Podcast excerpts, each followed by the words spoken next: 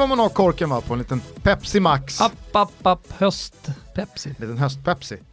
Eh, och eh, gör eh, mig redo för ännu ett avsnitt Toto Balutto. Ett Toto Balutto-avsnitt som gästas av vår favorit tyskrunkaren Lillpöler Adam Nilsson. Välkommen. Tack så mycket. Hur mår du? Eh, nej men jag mår bra. Det, det är mycket som pågår, men eh, det känns eh, kul att fotbollen är igång och att allt annat kickar igång också. Du har ju en intensiv vecka. Förutom då att du sitter här och pratar tysk fotboll så sitter du 08 som Hammarby-representant och snackar Bayern. Bayern och ja, så gör du fantasy, Bundesliga också. Jajamän. Med Kevin Bader. Det är mycket nu. Det är synd att Det är måste... inte 5 plus va? det, nej, det är nog inte många som håller för 5 plus. Eh, Inte det- än. Nej, det, så kan det vara. Men, Men, hej, det är ett format Anders Nettelblatt har rört vid och då Ja, vet man hur det det brukar sluta. det. Det Det brukar succé. sluta i guld. ja, det som är trist är att man behöver se min degiga fysik i tv, men det får folk leva med. Det är sånt där man aldrig riktigt vänjer sig vid själv. Nej. Eh, hörru du, eh, hur skulle du säga att din tyska är? För att ni kör ju det här programmet på tyska. Mm. Va, har du någon dialekt eller? eh, Nej, det har jag ju. Jag hade nog mer när jag bodde Hör man att du är svensk? Liksom? Finns, det, finns det en svensk tyska? Så som det finns en a Swedish English? Jag vet inte, alltså det är klart du måste göra det, men jag tror inte jag pratar så mycket med melodi när jag pratar tyska. Jag försöker nog bara hålla rätt på att jag korrekt. inte säger konstiga saker. När man bodde där nere, jag menar Thomas har ju bott i Italien, när man bor i Tyskland och umgås med tyskar, eller med, ja, vilka man nu, liksom var man än bor och vilka man eh, umgås med, så blir ju Vi språket fattar, du naturligt. är inte rasist. yes, ja, men, Det lät som att du säger Ja, shit nej. vad håller jag på att säga nu? Ja. Adam är inte rasist, Nej, han är bra. inte Skönt att ha homofob. benat ut det. Ja, vi jättebra att vi börjar i den annan. Eh, nej men det, det är klart när den är bättre när man, eh, när man är, här kommer aldrig bli bra. Nej men den är ju bättre när man umgås med folk som pratar tyska och då får man ju den tyska dialekten naturligt. Men nu så är det, nej den är normal. Men det, tyskan är helt okej, jag måste säga att den är bättre än vad jag hade trott. Skit i Adams tyska, det vi vet är att Adam Lillpöler eh, Sauerkraut är bäst på tysk fotboll i Sverige. Ja, det är det enda jag verkligen. behöver veta. Eh, Det känns eh, som, eh, det var nyss du satt här, Ja, det var och vi summerade den tyska säsongen och vi pratade om Union Berlin, att de hade tagit steget upp och vad ska egentligen hända med Bayern München och så vidare och så vidare. Nu har sommaren fortlöpt och Bundesliga är redan igång. Vi hann ju inte köra ett inför Bundesliga-avsnitt förra veckan i och med att det var full fokus på La Liga, men nu är du här och eh, en omgång har som sagt spelats. Eh, vad vill du börja? Vart, eh, vart eh, angriper man den här Nu har du ju säsongen? dessutom en omgång att utgå ifrån. Ja. Det ger dig liksom lite, lite snålskjuts. Det är som att ha- haka på ett Betsson-spel i andra omgången. Så att säga. Mm. Nu kan man ju inte rygga eh, Pölers eh, långtidstrippel eh, i och med att den har stängt. Jävla bra start du fick. Jag hade maxflax, skulle Mm. jag vilja säga. Alltså det enda som var ju, det var ju konstigt att Ibisevic inte tog ett gult. Ja, jag ska säga det. Eh, jag tror att jag förmedlade att han eh, gjorde båda målen i förra avsnittet när vi pratade om den här matchen. Eh, det stod det på den eh, resultatservice-sidan jag slängde ett getöga på under fredagskvällen. Men Mm. eh, det gjorde han tydligen inte. Nej, det gjorde han inte. Han gjorde inte något. Han spelade fram till ett av dem, kanske båda i och för sig. Eh, men eh, nej, men det gick jättebra eh, eftersom Bayern tappade poäng, vilket betyder att Kovacs ut, eh, kom allt närmare innan jul. Eh, och sen att Paderborn åkte på stryk mot Leverkusen. Eh, vilket, Ja, och som Thomas eh, liksom mycket klokt också spelade in att Bayern fick, en fly- eller Dortmund fick då parallellt också en flygande start. Yes. Det blir ju ytterligare någon grad temperaturhöjning kring Kovacs. Ja, ja, alltså inget, ingen snack om det. Och eh, jag menar, Dortmund har en hyfsat bekväm bortamatch mot Köln som väntar här och Bayern åker till Schalke.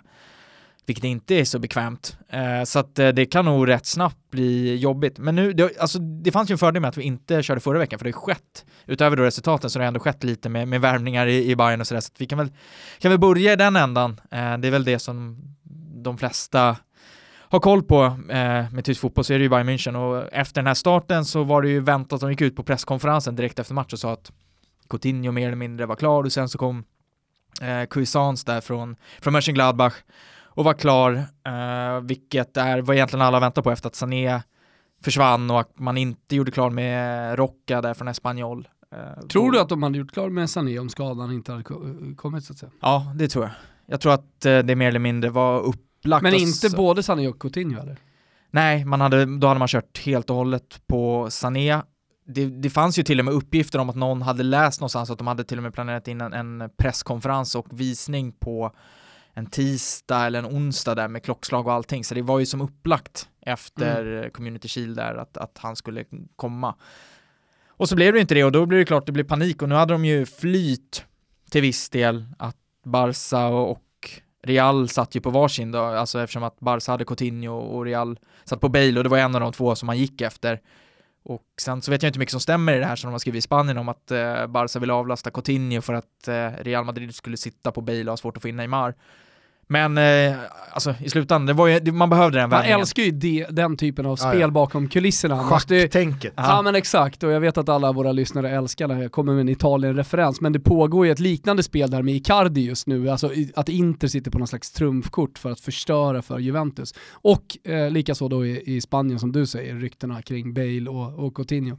det vi, är härligt. Då ska man heller inte glömma att bara någon vecka innan så hade ju Ivan Perisic kommit från Inter dessutom. Ja, men jag tyckte Thomas uttryckte det faktiskt rätt bra i den senaste podden med så att Perisic när du får in honom, det är inte så att det jublas, alltså på det sättet, det är, så här, det är en bra fotbollsspelare men det är ju fortfarande ingen som, jag tror han har gjort 18 poäng på 70 matcher och sånt där och det, alltså det är så här Ja, det är en bra breddspelare, men det är ju ingen du tänker starta 11, Bayern München går för Champions League, utan det, det är en i mängden för många där. Eh, tänker man det då kring Tolisso eller uh, Kingsley Coman? Jag tror att skillnaden är att de är, de är unga och det finns potential man tänker att man kan få utväxling på dem. Perisic känns ju mer som en färdig spelare där du, du, du får det du får. En VM-finalist. Eller så får du, ja, ja absolut. Ja men så här, interversionen eh, har ju varit en spelare som har haft ganska djupa dalar, eh, som du säger, alltså det, det, det har varit alldeles för långa perioder när han inte har levererat poäng överhuvudtaget. Eh, och sen så då, de, de höga topparna. Jag brukar alltid återgå till den här matchen Turkiet-Kroatien när han var helt fullständigt, jag, jag, trodde det var en annan spelare, jag fattade inte att det var, eh, att det var Perisic. Eller det fattade jag, för han hade ju färgat sitt hår i den kroatiska flaggan. Så, men, men så Ett beslut som borde ha stoppats. borde ha stoppats. Badmössan hyllades. Men, eh, och ska såklart hyllas, men eh, inte det. Nej men eh, jag, jag håller med, jag tycker att det är en svajig spelare, men hans högsta nivå är ju, ett, det är, det är ju en tillgång för Bayern München. Absolut. Och då ska man komma ihåg att Bayern München har i två, tre säsonger förlitat sig till åldermännen Ribéry och Robben som både skademässigt men också formmässigt verkligen kan vara upp och ner. Alltså det, det är inte så att de två har från sina kanter stått för 42 starter och gedigna prestationer dag ut och dag in. Nej. Fan vad fint, jag ser fram emot när Ribéry om tre år kommer prata om Bayern München-tiden som en parentes i sin karriär. Det ser jag fram emot. Ja. Klar för Fiorentina för de som ja. missat det. Det är, det är 100% klart alltså. Ja. Vad härligt, kul för honom. Han ska tacka nej till ett erbjudande från Bayern München också, vilket är intressant eh, parentes i sammanhanget. På, press, på presskonferensen kommer jag säga det. Från Bayern München?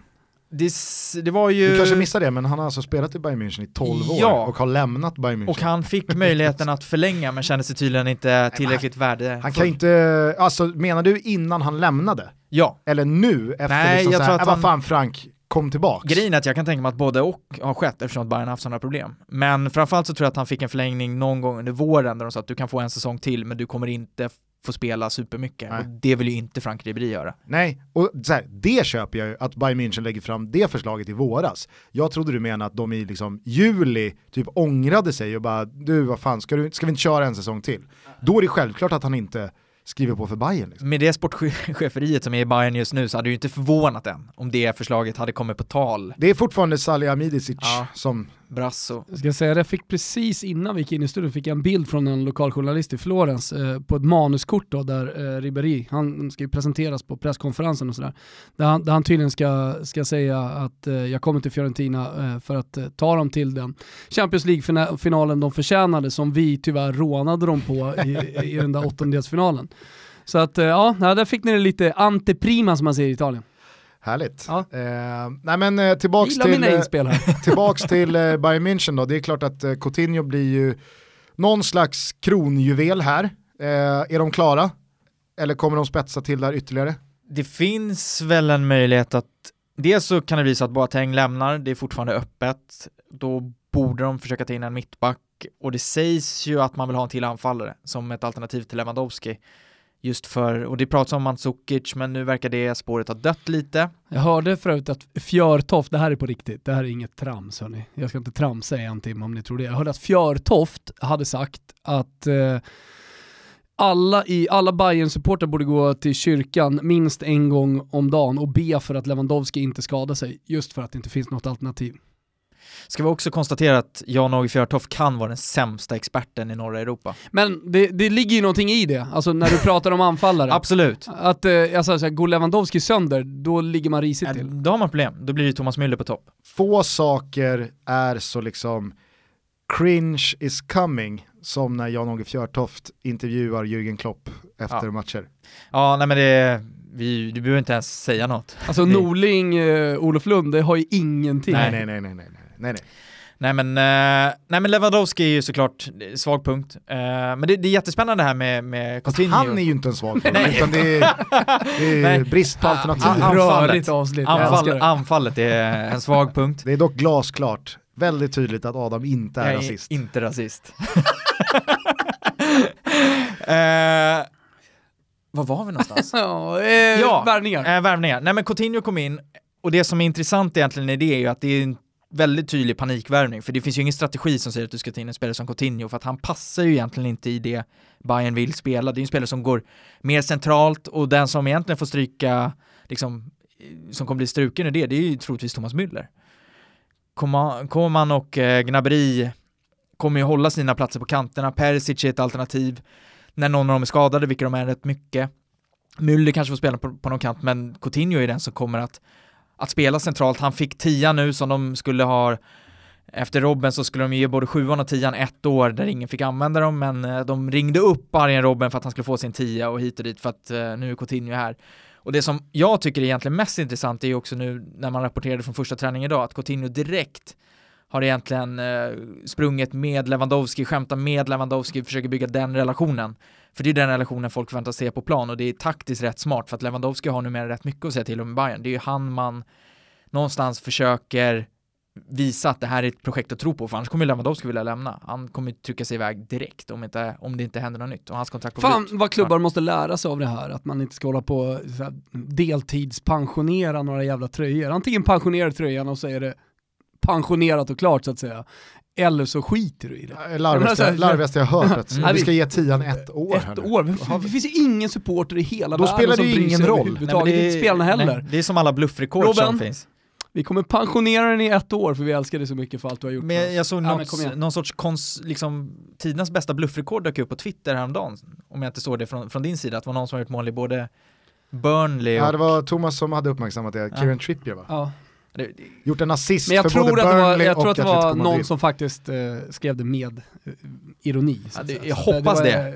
ja. Fast det säger ju en del, alltså så här, även om det var ett skämt, det är de tiderna man lever Ah, i. Man blir inte förvånad att det är något sånt som dyker upp. nej exakt, och då kommer de här deltidspensionerade tröjorna hit och dit. Det, det är mycket skit liksom. Men okej, du tror alltså att det finns en realistisk möjlighet att det blir Thomas Müller som kanske får flytta på sig i en startelva när Bayern ska mönstra bästa laget eh, i en Champions League-match om fyra, fyra månader. Absolut. Jag, jag tror att Kovac, alla tränare sen Guardiola har egentligen haft problem att hitta en roll till Müller.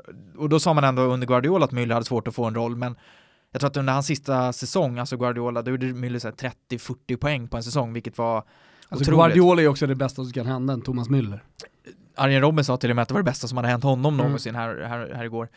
Men eh, ja, det, det är superrimligt att det är Müller som ryker, för det är han som inte har levererat. Han passar inte riktigt in i det som Kovac försöker göra, och då ja. Fast alltså så här, jag, är ju, jag är ju av eh, tron att bra fotbollsspelare passar överallt. Alltså, är, du, är du tillräckligt bra, är du tillräckligt vass så spelar det ingen roll om den här tränaren vill spela 3-5-2 eller 4-3-3 eller du ska ha den här rollen eller du ska ha den rollen. Alltså, jag, jag tror ju snarare att det är Thomas Müller som har kallnat och inte varit bra de matcher han har spelat i en stor majoritet. Jag menar, Jogge Löw, många kommer säkert ihåg det, var i våras var det var när han stängde dörren för Boateng, Hummels och eh, Müller va? Eh, och, och han blev ju väldigt förnärmad över det och det kan man ju förstå med tanke på hur, hur många mål han har gjort och han har varit med och skjutit VM-guld till, till eh, landet och så vidare. Men det är ju inte konstigt eftersom han inte heller har presterat eller försöker Jogge Löv också gömma sig bakom någon slags, ah, men han passar inte in i, i, i modellen här? Nej, Jogge Löv har ju varit mycket, mycket tydligare med att de har inte levererat. Eh, Mats Hummels har ju tagit det på rätt sätt, för han har ju faktiskt börjat leverera. Boateng och Müller gjorde ju precis det motsatta och tappade ju helt. Så det är klart, nej men det är klart att det är prestationsbaserat. Sen så tror jag, och det var därför jag också sagt att Nico Kovac kommer få gå. Jag tror inte Nico Kovac heller är en tränare som får ut det bästa av sina spelare. Alltså, jag, jag skulle kunna säga hur många värvningar Bayern än gör, så är det fortfarande så att om man tränare som inte får ut tillräckligt av det material han har, han skulle kunna ha han skulle kunna ha Cristiano Ronaldo och liksom Messi i samma trupp och jag skulle ändå inte tycka, eh, jag skulle inte vara övertygad om bygget. Hur eh, såg det ut här nu då mot eh, Hertha i premiären? Alla vet ju resultatet säkert, 2-2, det är inte önskvärt, men prestationen kan ju ha varit, alltså Manchester City spelade 2-2 mot Tottenham också, men var, Manchester City såg ju väldigt, väldigt bra ut. Ja, alltså Hertha gör ju två mål på tre chanser och Bayern München har mycket boll som alltid. Jag tycker inte de skapar svin mycket farliga chanser. Och det här är också en sån här Kovacs-grej, att efter matchen gå ut och säga att men, kolla på statistiken, vi har så mycket boll, vi, vi har så många skott på mål, kolla hur många motståndarna har. Och han har dragit det kortet så jäkla många gånger nu, så det är så här, ja men nu är det ju inte fel på, nu är det ju liksom, det är inte, det är inte så att ni har otur i statistiken, utan nu är det ju faktiskt ett, ett problem med något annat. De är inte effektiva nog, de släpper in för många mål på för få chanser. Ja, det, det finns vissa ljusglimtar, men jag tycker att det ser riktigt dåligt ut för att ändå vara det, med den truppen de har, även om den bänken inte såg supervass ut, så ska de ju kunna prestera mycket bättre. Och Hertha Berlin kommer med ny tränare, ett helt nytt spelsätt och chockar ju Bayern och det är på hemmaplan i en premiär. Det, det är oroväckande. Eh, kan vi förvänta oss eh, ett bästa lag då, då, med, det är Neuer i mål såklart och sen så är det Alaba, det är Sule. Och jag skulle gissa är Lucas Hernandez. Och Kimmich. Och Kimmich ja. Och så Javi Martinez, Thiago det, det, är ju den där som är lite, det är den där som är intressant, för nu spelade ju Thiago, för Jean Martins var borta, så de hade Thiago och sen så hade de Goretzko och Tolisso, eh, om jag inte minns fel. Och det är bara att inse att Jean Martinez behövs där. Den fysiken och den defensiva kunskapen behövs i det truppbygget, för att en Renato Sanchez, som jag hade som någon sorts hopp förra året, kommer ju aldrig... Det, det... Är det din uh, Balotelli? Alltså, jag vill så, ja. Jag vill så gärna tro... Du, Pepito Rossi va? Är det också du gnuggar? Jo, fast det är ju skador och sådär. Är, Renat Sanchez är ju bara dålig. Då är det ju mer, alltså, sen ska man ju också komma ihåg att under hela den tiden, eller all, alla gånger jag har lyft Mario Balotelli och liksom alla gånger jag stått vid hans sida, eh, så har han ju faktiskt levererat på planen. Vi pratade om hans målsist, se, eh, målsnitt senast i Frankrike som är fullständigt liksom, briljant. Eh, så att eh, där finns det ju anledning. Renat Sanchez, där, där finns liksom ingen anledning att, eh, att eh, stå fast vid att man tror på honom. Nej men också, samtidigt så, du nämner ju ändå en hel del spelare som gör att med då Perisic på det, med Coutinho på det, där finns Thomas Müller, Gnabry och Koman och så vidare. Det finns ju ändå en, ganska bra bredd offensivt. Absolut, det finns många bra fotbollsspelare. Det som jag tycker är så problematiskt och blir tydligt är att de inte riktigt, det blir väldigt enformigt i hur de går på attack. Det är, det är samma sak gång på gång. Koman och Gnabry ska slå sina spelare gång på gång på gång och så ska de försöka hitta Lewandowski i boxen. Det här som Klopp och Guardiola gör är ju så mycket mer, det finns så många alternativ, de hittar nya sätt att anfalla på. Ett bra offensivt lag hittar nya sätt att hitta vägar in i straffområdet. I Bayern München så, så är det, det är ett sätt de försöker få det på och det, det, det, funkar inte när du ska slå lag på den här nivån överhuvudtaget och det tyckte jag blev väldigt tydligt mot Hertha Berlin. Största utmanaren om titeln är ju såklart Borussia Dortmund. Pangstart eh, för eh, deras del, eh, målkalas direkt och de var ju kanske hela Europas både roligaste och bästa lag att följa förra hösten, gick ju fram som en ångvält både i ligan och i Champions League. Sen så tog det väl lite stopp, eh, inte minst mot Tottenham i Champions League och så kändes det som att de var lite för unga, lite för gröna, lite för mycket mjukglass innanför pannan för att hänga med Bayern mot slutet. Men vad ser du för Dortmund till den här säsongen? Har de på något sätt spänt musklerna ytterligare? De har tagit in väldigt bra spelare, alltså Mats Hummels går in och är ju briljant mot Augsburg, vilket är precis den typen av spelare de behövde, en, en off, eller en offensiv, en defensiv eh, spelare men med ett offensivt liksom pannben som vet hur han ska liksom få bollar att, att gå ut längs kanterna mot offensiva håll och erfarenheten som de behöver, den här tydliga ledargestalten i försvaret som är så oerhört viktig, bidrar till stabilitet. Kom han tillbaka som någon slags Judas? Nej. Han, det... det var öppna armar. Just för att det var så klart att han skulle, skulle till Bayern en gång liksom i karriären. Han Ja. skulle dit eh, eftersom han hade varit eh, ungdomsspelare i Bayern va? Precis, på något sätt så, så är det ju Accepterades det på ett helt annat sätt än Mario Götze. Ja, och sen blev han ju aldrig riktigt så etablerad i Bayern München som man kanske hade trott för en kille som är född och uppvuxen i München och har spelat i akademin och sådär. Så att det, det kändes rimligt för honom att gå tillbaka. Jag tyckte det var, det är ett bedrövligt beslut av Bayern att, att släppa honom. Hur gammal är Eh, han? Han är 29 88, och fyller 30 ja. Han borde fylla 31. 31. Han är så gammal. Han är Jag är 89 ganska tror jag. säker på att han är 88. Ja men Ja. eh, alltså, han, han är flera år kvar. Han har flera år kvar. Som jag ska tala om för er här och nu att Mats Hummels är född 88. Bra. Nej men, och, December dock, så att nästan nästan. 89. Nej men ja, han har ju, han har ju sådana kvaliteter som Dortmund behöver, framförallt den här erfarenheten. Och sen så fanns det väldigt mycket statistik som menade på att han var en av de absolut bästa mittbackarna förra året i Bundesliga, inte minst när det kom till just att slå sig förbi spelare, att med passningar gå förbi spelare så var han bäst i Bundesliga av alla backar. Vilket är vad Dortmund behöver. Sen har man fått in Nico Schultz som är en landslagsback, eh, man har fått in Julian Brandt, Torgan Hazard, Uff. Det är min gubbe. Ja, nej men och det, alltså bredden finns ju där, de har fått behålla Paco som direkt slår till med två mål såklart. Han behöver inte ens vara inhoppare, han kan göra mål ändå. Sancho är ju så fantastiskt jävla bra så att det finns ju inte en chans att han blir kvar i Bundesliga en säsong till. Och sen Royce, alltså det, kollar man på spelarna så är det så att det här är, det är inte riktigt bra lag. Status på Royce nu då? Han Han har verkar varit mycket skadad ska sägas till alla som inte har koll Ja. på honom. Genom karriären. Exakt, han verkar just nu frisk och hel, men det är väl en av anledningarna till att man tagit in Brandt och Hazard, för att då försvinner Royce så har du två riktigt, riktigt Mm. bra spelare som kan hoppa in. Jag måste säga att jag gillar ju tandem-paret centralt, Julian Weigel och Witzel. Alltså att, att hämta tillbaka Witzel från Ryssland och Kina, där han bara liksom, det, det, det var slöseri med resurser kändes det verkligen som. Eh, att få tillbaka honom, han är ju hungrig, han är ju sugen, han, han har ju inte åstadkommit jättemycket i sin klubblagskarriär och, och vunnit massor. Så att det, är- det är en klassspelare att ha där. Och alltså Julian Weigel, kanske mest underskattade och bortglömda klassspelaren i ett sånt här lag, eller? Absolut. Uh, förra året så bestämde man sig för att man ska spela mycket med Thomas Delaney som man hade plockat in från Bremen. Nu är det ju mer, nu är det ju mer kreativitet. Det är ju en spelare som kan byta kant, som är, han är ju lite Xabi Alonso liksom över sitt spelsätt. Den skickligheten, den blicken, det, det ryckte, han var ju på väg bort. Uh, och nu ser han ju supergiven. Och då har de ändå en spelare som Daoud som vi som kom från Mönchengladbach för nästan ingenting, som alla trodde skulle komma in och lyfta laget. Han sitter fast på bänken. Så att det finns, äh, det finns otroligt mycket kvalitet och de är ett år äldre. Favre har fått vinna en titel nu i den här supercupen som de vann inför säsongen. Det känns som att om inte Bayern hänger på så får de svårare att ta ikapp för att förra året så låg de ju ändå tvåa i tabellen vid, efter 17 matcher, eh, sex poäng bakom. Gör de det samma tid i år, då tror jag inte de kommer ikapp. Nej, samtidigt som alltså, Dortmund bör ju ändå ha liksom, lärt sig någonting också av att knyta ihop säcken. Man kan inte bara prestera superfotboll och slå Atletico Madrid med 4-0 i Champions League och vinna supercup. Alltså, det, det är väl där skillnaden fortfarande är, att Bayern München vet hur man lyfter bucklor Ja. i slutet av säsongen.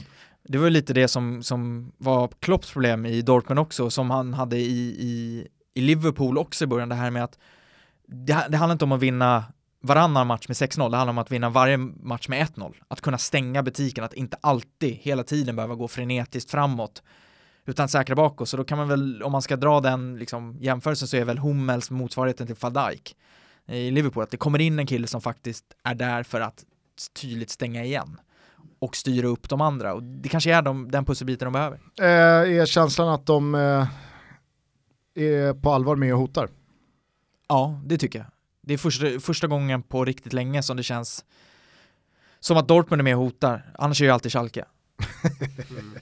Ja men eh, på tal om att hota då, ett annat lag som fick en eh, smakstart var i Leipzig. Eh, vann stort eh, och eh, eh, vad skakar du på huvudet om? Nej men Nagelsmann-båten, oj oj oj vad den flyter bra nu. Ja, ja, den gör väl det. Eh, men Emil Forsberg fick bara hoppa in. Ja, alltså det jag läste var att han har gjort mer eller mindre nio fulla träningar på 30 dagar. Och jag vet inte vad det är med den här Settinkaja-grejen, men det verkar ju inte vara en fördel att ha honom som agent, för det är många som verkar reta sig upp sig på Settinkaja med bihang liksom. det har ju varit struligt. Forsberg har ju velat lämna, klubben har velat ha honom kvar, men det har inte funnits någon tydlig någon tydlig klubb som har velat ha honom. Förra året så var det ju flera italienska klubbar som var sugna på Forsberg, i år så har det inte funnits någonting. Ja, Milan bland annat som ja. var där och ryckte. Eh, men... Nej precis, den här sommaren har man inte hört något. Nej exakt, det har varit stendött och nu spelar man ju en, en 3-5-2 vilket skulle kunna passa honom rätt bra om han får ligga i en av de lite mer offensiva rollerna på mitten men är man, är man skadad så är det ju svårt att få speltid. Och han spelar ju inte på en, på en vinge som någon sorts vänsterkantsspringare. Ah, det har ju varit tydligt med Janne om man får tro Aftonbladet ja. att där, där ska han inte vara. Han ska framförallt inte hålla på och spela försvarsspel. Nej, precis. Eh, nej men eh, många har säkert eh, haft koll på det senaste året. Eh, Julian Nagelsmann var ju klar för Leipzig redan för ett år sedan. Eh, körde sista säsongen med Hoffenheim, kom i juni och sådär. Att han nu är på plats och att det är eh, framtidsmannen och alla, allas liksom, tränare på, på läppen kan man ha något slags krav på dem nu att nu, nu ska de vara med och slåss om en titel och nu har man gjort två riktigt eh, bra säsonger i följd här och man har spelat Champions League-spel och nu, nu lyckades ja, det börjar man... liksom sätta sig lite i Bundesliga ja, nu och finns, Nu finns det ju inte jättemycket mandat att vifta på att ja, men vi är fortfarande gröna. Även fast de är det jämfört med Bayern München och Dortmund och så vidare såklart. Men nu, nu, nu är det ändå, det är länge sedan de spelade Schweizer nu. Ja men det, det är det helt klart. Och de har ju trots att, alltså rubrikerna har ju minskat rätt rejält, Red Bull är ju etablerat och sådär, vi, vi får inga fler NOA-texter om hur eh, liksom läskimperiet tar över. Men, eh, och de, de har ju gått bra, så det är klart att nu när man får in vad som anses vara en av då, Tysklands kanske tre bästa tränare efter Klopp och Tuchel, eh, med det laget man har som på pappret ser rätt bra ut, då, då är det klart att förväntningarna måste ju vara att det ska inte bara vara en andra plats eller en tredje plats som gäller, det är klart de går för titeln och nu var ju inte Union Berlin eh, svinbra ska vi ju säga, det var ju vida dörrar eh, på, på glänt som var där, men eh, så som Leipzig ser ut så är det ju potentialen ser ju fantastisk ut för att de har mycket kvar att lära. Men... Truppmaterialet då? Har men... de gjort något spännande i sommar som man har missat? Nej. De har ju lånat in eh, Ampadu va? Ja. Från eh, Chelsea. Absolut. Ola Lidmark Erikssons stora diamant. Han älskar Ampadu. Ja det är så, är det statistiskt Statistiskt belagt? sett så är han, alltså han är liksom, det här kan bara sluta med fem Ballon d'Or. Lirar ju med Leipzig som klubb att uh, göra något sånt. Men, ja, äh, för jag menar tittar man igenom deras lag, eh, alltså, det, det är ju, och de håller ju fast vid sina transferprinciper med att här ska det inte hålla på att sprängas någon bank för att ta in en 27-årig eh, etta. Alltså de går inte efter Torgan Hazard eller Mats Hummels när, när de ska byta klubb i, i toppskiktet av Bundesliga utan de tar snarare då, som sagt, Ampadu, 18 år från Chelsea. Eh, Luckman tillbaka från Everton då efter, han var ju inlånad här för, för en säsong sedan. Och sen så är det ju alltid en spelare från Salzburg som har gjort det bra där på något sätt.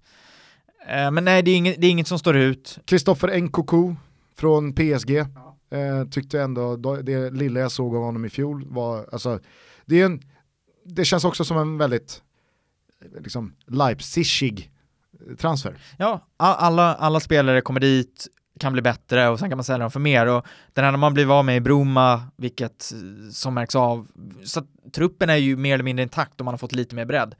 Så att det är klart att de ska kunna vara med och slåss samt att spelare som Josef Paulsen och Timo Werner och Halstenberg har ju utvecklats ytterligare. Så att jag, jag, kan inte se något annat än, än, att de ska vara ett bättre lag än förra säsongen. Samtidigt så hade de ju, i alla fall enligt mig, problem med att kombinera Champions League-spel med Bundesliga-spel när de spelade Champions League senast för två år sedan. Eh, tror, du, tror du man har liksom lärt sig någonting där eller kan det bli så att ett, en front kan ta stryk? Det är lätt att bli lite liksom, det, att dra de här klyschorna om att det, man är inte vana vid tredagarsspel. Nej, jag, alltså så här, spontant, jag tycker man ska ha kravet på dem att de ska kunna hantera det. Det, det är väl inget snack om det och sett till värvningen så ser det ut som att det är värvningar tänkta för att man ska klara av att ha flera matcher på en vecka och sådär. Jag, jag kan inte tycka att vi ska ha några andra förväntningar. Men om de går för något, om de ska välja så är jag övertygad om att de kommer gå hårt för ligan och mindre hårt för Champions League. Mm. Eh, på det sättet. Gruppspelet, sen så blir det klart, vad får de för grupp? Det vet vi aldrig, men jag tror att Champions League har inte samma vikt för att, att vinna en Bundesliga och kunna visa att man har gjort det betyder så otroligt mycket mer för dem eh, i det här läget än att gå för Champions League som jag tror att ändå om de är bra så har jag svårt att se att de ska kunna gå hela vägen i Champions League. Vart, vart, vart ser du RB Leipzig ta vägen? Ja, men jag, jag tror, som eh, Adam säger, alltså dels så måste man ha ytterligare tålamod. Det, det, det är självklart lätt att tycka att liksom, nu har de varit i Bundesliga ett tag, nu kanske inte räcker med en tredjeplats, men jag tror att liksom, Leipzigs eh, projekt eh, snarare var komma, tillbaka, eller komma upp i Bundesliga ett decennium, kanske på en tioårsperiod, verkligen se till att etablera sig hela tiden. Och någon gång under den tioårsperioden liksom verkligen träffa rätt med tränare, med någon spelare som gör 28 mål, med någon mittfältare som verkligen lyckas och, och en försvarslinje och så vidare. Eh, så, så att hoppet för eh, Leipzig, och det tycker jag nästan alltid när liksom, det gäller utmanare, står någonstans till Nagelsmann och att han ska göra någonting helt jävla briljant. Eh, så att, eh, ja men det är, väl, det är väl ungefär så jag ser på Leipzig. Att, eh, det, det finns en möjlighet men, men då, ska, då ska allting klaffa. Skador, eh, ja som sagt, eh, spelare överpresterar. Alltså det, det är ju också en, en sån eh, liksom, tränarförmåga som, som bara vissa har, alltså få varje spelare att eh, prestera max utifrån sin talang. Då gäller det att sätta dem rätt på planen, eh, det gäller att de har perfekt harmoni och ja, hamnar rätt i spelsystem och så vidare. Så att, eh, det, det, är väl, det är väl upp till Nagelsmann då att och liksom ta upp den här kampen verkligen i toppen. Men på tal om det, Timo Werner, skulle du säga att han har anseendemässigt nått eh, liksom den högsta nivån eller går folk fortfarande och väntar på att Timo Werner ska ta det sista klivet? För jag menar, liksom, det går ju att argumentera för att han är given i landslaget, eh, han är eh, given i Leipzig som är med och utmanar om Champions League. Alltså, eller finns det fortfarande en, en, en, liksom, en syn på Timo Werner att han ska ta nästa steg? Ja, det gör det. Det är klart att jag tror att Timo Werner är ingen spelare som, som folk ser som kan avgöra en match på egen hand um, idag. Nej, alltså jag är inte alls såld på Timo Werner. Det, det, är en, det är en duktig fotbollsspelare som har talang, nu börjar han ju ändå bli 23-24 år något sånt där och då borde det bli dags och Nej men för mig, han är inte matchavgörande på det sättet som han behöver vara för att vara på den absolut högsta nivån. En spelare som du vet att han behöver bara en chans för att få det att- att smälla. Har du en Lewandowski i Bayern München så vet du att det- räcker med att ha Lewandowski i Bayern München, för kommer det en boll och den är hyfsad, alltså du, han sätter dit den. Det är inte så med Werner, han behöver fortfarande ta det steget. Är det Och- därför han är kvar? det är därför han är kvar och för att de har haft en prislapp som inte eh, folk vill betala. Nej. Nu verkar det ju som att om man får tro ryktena så är det ju Bayern München som ligger bäst till. Han har ett år kvar på kontraktet, Valencia ska ha hört sig för och de ska mer eller mindre ha fått eh, sagt till sig att han har bestämt för Bayern München och kommer gå dit efter kontraktet har löpt ut. Eh, och då är det ju att ta det stora steget. Leipzig är ju fortfarande inte där uppe där Bayern München är. Eh, Och Bayern München är ju inte där uppe där de var. Så att, men det är fortfarande ett steg upp från Leipzig. Så det, är då, det är då han måste bevisa sig på, på allvar. Forsberg då, om vi eh, förutsätter att han får vara skadefri den här säsongen, vad, vad kan man ställa för krav på honom? Vad förväntar sig Bundesliga-publiken av Emil Forsberg? Jag tror att många fick en, en skev bild efter den här makalösa första säsongen när han var uppe på liksom 22 assist eller vad det var och det var sanslöst. Och det kommer han ju inte kunna leverera kanske igen på det sättet för det är ju siffror som vi, vi aldrig ser. Men det är klart att man ska förvänta sig att han ska vara en stor och viktig del av det som, som Leipzig försöker genomföra. Att han ska vara en bidragande faktor till att de tar sig långt. För den kvaliteten har han visat att han har. När de mötte Bayern München i eh, cupfinalen i, i våras så såg man ändå en Forsberg som, som är en viktig del när han får spela. Som, som har kvaliteten som vi kanske inte alltid ser i landslaget som är på en väldigt hög nivå. Så jag hade ju räknat med att han skulle, han skulle vara given och göra ja, med sina liksom 10-15 assist och x antal mål på det och kanske kunna ge sig själv en språngbräda till att faktiskt ta sig till en av de absoluta toppklubbarna. Men han hade väl inte ett perfekt fjolår heller, det var en Nej. del skador. Ja. Alltså, som, Och det är problemet med honom. mm. Du, du får ju inte 34 matcher där heller. Men eh, skulle du säga, alltså, vi, vi pratade om det för några avsnitt sedan med Alexander Isak, att man tar på sig liksom svensk glasögonen och så tror man att hela eh, Spaniens eh, fotbollsmediakår eh, pratar om Alexander Isak på samma sätt som vi gör här. Eh, vad har han för status, Forsberg? Han har hög status skulle jag säga. Jag skulle nästan säga att han till viss del är mer ansedd i Tyskland än vad han är i Sverige. Eh, och det tror jag för att det är väldigt lätt att gå till de landskamper han gör, att han kanske inte är, spelar den vitala delen. Alltså i, i Tyskland och i Bundesliga så har han ju visat vilken enorm nivå han håller. Han spelar på en roll som han själv bevisligen trivs väldigt bra i. Så att när de pratar om Forsberg, Forsberg där så är det ju en nyckelspelare man pratar om. Man pratar om en av Bundesligas absolut bästa spelare. Det är, det är inget snack om saken. Så att det är klart att de ser det som ett rejält tapp för Leipzig, att han, att han inte spelar. Hörrni, jag satt och kollade på en riktigt deppig match mellan eh, Mönchengladbach och Schalke i lördags kväll. Du vet när jag gick lite tungt på spelet. Just det. När det skulle gå på Bordeaux. Ja, ja exakt. Eh, det borde man ha gjort Ja. eh, till slut. Men det, det brukar alltid vara så, ett av de etablerade övre halvan-lagen som alltid är med i mixen och, och hugger på en Champions League-plats, kanske tar en Europa League-plats och så vidare, som varje år floppar ordentligt. Sticker man ut hakan när man säger att jag tror att det i år kan bli Borussia Mönchengladbach? Ja, det är så, ja, alltså det, det är ju tre lag. Det är ju kusarna, det är Gladbach och det är Schalke. Som man alltid tänker där liksom bakom. De ska hamna där mellan 3 och 6 någonting. Eh, 3 7 Gladbach har ju ny tränare från Salzburg där, Marco, jag vet inte hur man uttalar efternamnet, Rose eller Rose, jag har ingen aning. Eh, Rose. Rose.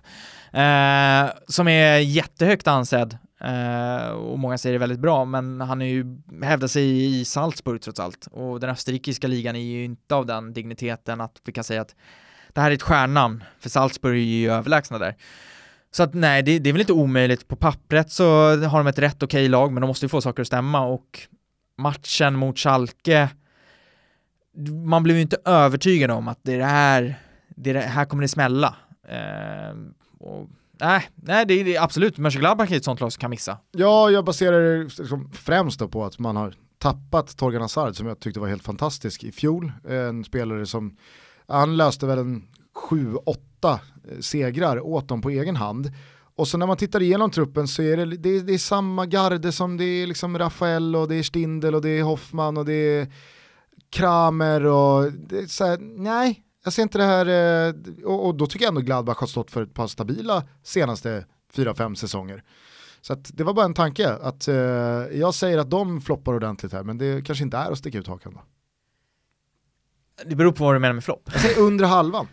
Ja, då skulle jag säga att det är en flopp. Ja. Då sticker du ut hakan. Det tror jag inte många räknar med att de kommer på den undre halva- halvan. Men det gör jag nu. Mhm. Gladbach under halvan. Ja. Ja, det tror inte jag. Eh, Schalke då, de såg inte ut att ha något på gång. David Wagner, herregud, han kommer från Huddersfield, alla förväntar sig, nej men, eh, Schalke, det inte, ser inte jättekul ut ärligt talat. Eh, Wagner där, jag vet inte hur mycket man ska egentligen läsa in från det han gjorde i Huddersfield sett till att komma till ett Schalke med ett nytt lag och han ska spela på sitt sätt där, hur magisk han är. För att eh, det, det är väldigt lätt att sticka iväg med att en tränare har, precis som en spelare, en, två bra säsonger och sen så Sen så blir det inget mer och det kan vara så i det här fallet också att det snarare är att Ja men det, det, det, det vad heter det, vad är det Jarlind och Husfeldt säger att det, det blommar inte ut, det blommar upp eller något sånt där. Han kan ha blommat, både blommat upp och blommat ut för det här laget om man säger så. Eh, och Schalke har ju ingen som helst strategi för hur de köper spelare och hur det ska se ut. Jag tycker det Alltså, det tycker jag liksom är det krångligaste med Schalke, att man får liksom ingen grepp om vad projektet egentligen är på väg någonstans. Lite som det var med Hamburg ett tag. Tycker jag nästan man kan jämföra. Att här, värvningar, tränare, man såg ingen riktig långsiktighet, man såg inget tydligt projekt där vi var väg dit och sen så kommer någon säsong som blir lite mer spännande än någon annan, någon spelare som sticker ut.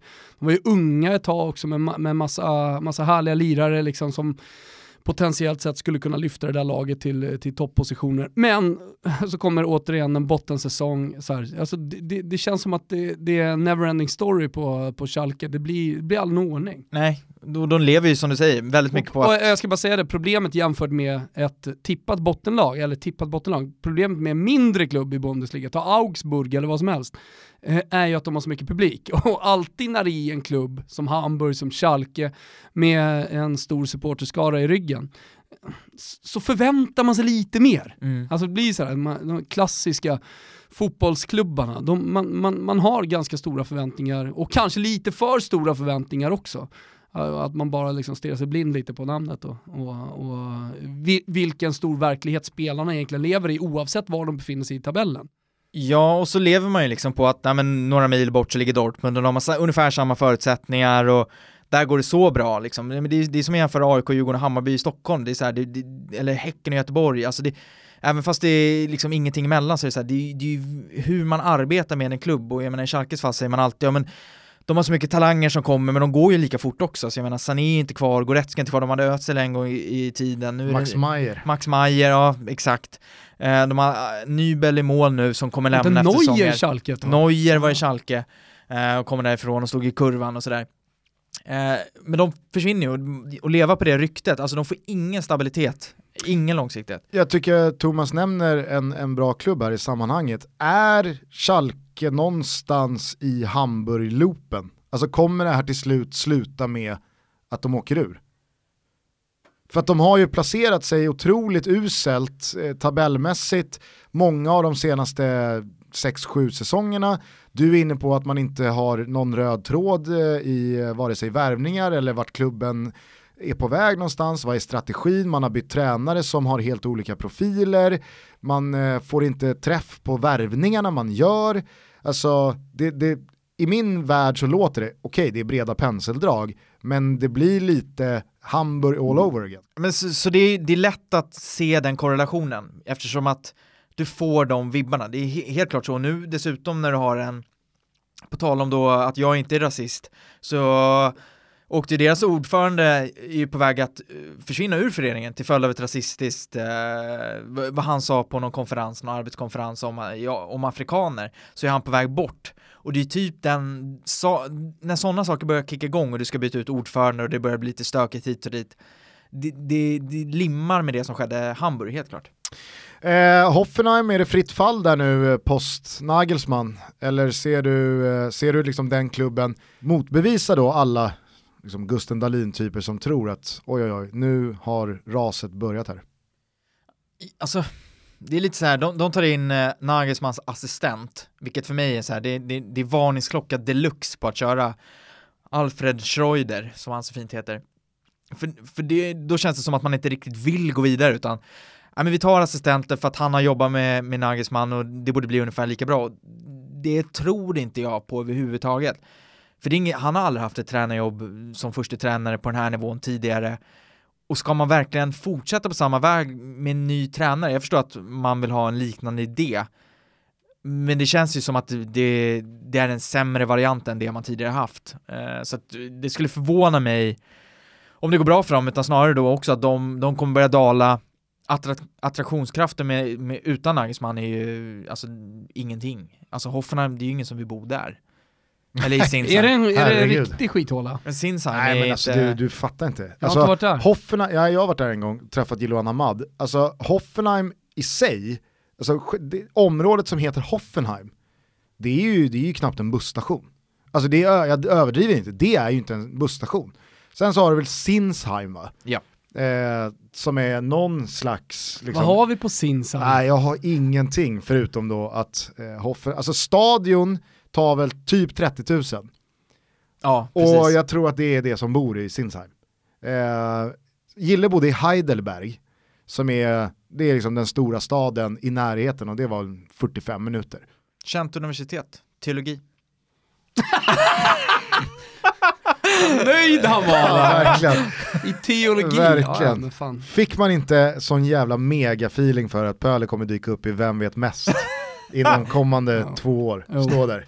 Adam Nilsson, Ja, 29 år, leendes. eh, skickar ut ett nyhetsbrev en gång i veckan där han rapporterar det senaste från tysk, Påhängande tysk fotboll. eh, alltså, av eh, Kevin Bader. Främsta merit blockad på Twitter av det tyska fotbollsförbundet. Eh, nej men jag, alltså, jag fick upp eh, lite så här Örebro, Alexander Axén, vi tar Axel Kjell och Fy kör fan vad sjukt att jag tänkte på exakt samma sak. Är det så? Alltså. Ja, jag satt och tänkte exakt på det. Det är ju som, det är som Alec och Kjell. Ja, Nej, jag menar alltså att det blir lite som du är inne på, att man tror att det ska bli samma sak, men det är inte riktigt samma sak. För att... Å andra sidan kan man väl argumentera för att eh, Örebro var precis, hamnade precis där de Ja, ja, hamnade med och- och- Alec ja, också. samtidigt som att det. det är, väl in, det är väl inte otänkbart att Hoffenheim gör en okej säsong och blir sjua, eller? Nej, det är absolut inte otänkbart. Eller har det varit spelarflykt också De till har ju följd tappat av... eh, eh, Demir Bay och Amiri till Leverkusen, vilket såklart svider. Men i övrigt så är det ju mycket kvar. Eh, de har fått tillbaka Sebastian Rudi från Schalke nu då. Men det, är också, det, det där är också för mig en varningsklocka. Dels att man försöker behålla kvar en tränare och sen försöker man ta tillbaka en spelare som bevisligen inte gick tillräckligt bra i Bayern för att bli kvar där och sen inte gick bra alls i Schalke. Och då tänkte jag så här, men han var landslagsman när han var så senast, så varför mm. inte ta tillbaka honom? Å andra sidan så skulle ju han då kunna liksom hitta hem igen. Lite Absolut. som att en spelare, svensk spelare inte lyckas i Europa så, så kommer man tillbaka till eh, allsvenskan och så går det bra. Du kan ju ta din Tankovic eller... Eh, Kasaniklic. Eller i och för sig, nu var ju inte Tankovic i allsvenskan innan, han var ju ungdomsproffs utomlands väl. Heller, nej. Men nej, inte han heller. nej, nej, fan så det går åt helvete just det här nu. nu. Syr vi ihop den här säcken. Syr vi ihop den här säcken. Nabbe! För fan! Han är tillbaka. Eh, nej men jag menar, det är klart att det också skulle kunna liksom, bli någonting positivt. Får jag bara, får jag bara ställa en fråga?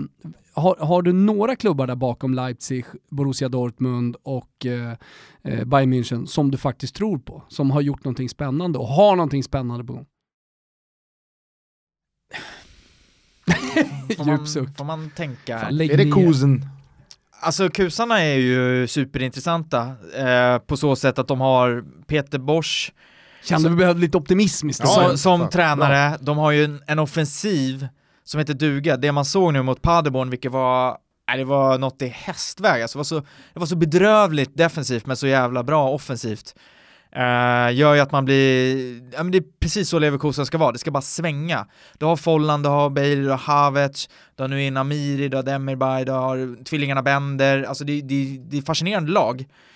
Uh, det enda som, som saknas är ju liksom uh, en Kiesling där framme som hade kunnat dra in ett par strutar, men Kos, Ska jag dra storyn om när Patrik Bjerred Andersson stod i Bundesliga-studion ja, och fick frågan av mig med, med aning eh, bredvid mig mm -hmm. så mhm. hade vi precis kört, eh, jag tror vi hade kört eh, Bayer Leverkusen, Bayern München och så hade... Snurrade en del eh, gubbar och gummor i de där studierna. Ja så var det. Ja. Nej men vi hade, vi hade Patrik Andersson då i studion. Inte alltid fem getingar. Och så hade eh, Kiesling säsongen innan va, typ eh, pressat Lewandowski i skytteligan hela säsongen och gjort typ 25 mål och det började pratas om att han ska tillbaka till landslaget och nu, nu, nu jävlar så flyger Kiesling högre än någonsin. Och sen så säsongen efteråt så hade han ju så blött krut i bössan. Han hade inte gjort mål på 16 matcher och han stod på två mål efter 20 spelade matcher. Och då säger jag efter ytterligare en match då där han har bränt några lägen och han inte gjort något mål.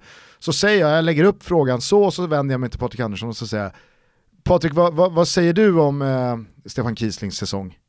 Det är ingen jättetuff fråga att få. Ja, man kan ta den på uppstuds. Alltså, Ja, det är ingen, ett, du kan, om du, inte, exakt, om du inte har någon aning, rapa fram en klyscha. Ja. För att du måste alltså du hör ju i min passning att så här, han gjorde 25 mål i fjol, nu har han bara gjort två på 20 matcher. Hjälpte honom Ja exakt, ja. så att, vad säger du om hans säsong? Det är Kiesling, det är Patrik Andersson som får frågan, han borde väl rimligtvis ha en uppfattning om Stefan Kiesling. Han är ju där för att ha uppfattning just liksom. Och ni gjorde den matchen, så det kan man ju tycka att, ja. Ja, men eh, jag får frågan och eh, jag ser hur Bjärred börjar eh, liksom grimasera obekvämt med hela facet. Han...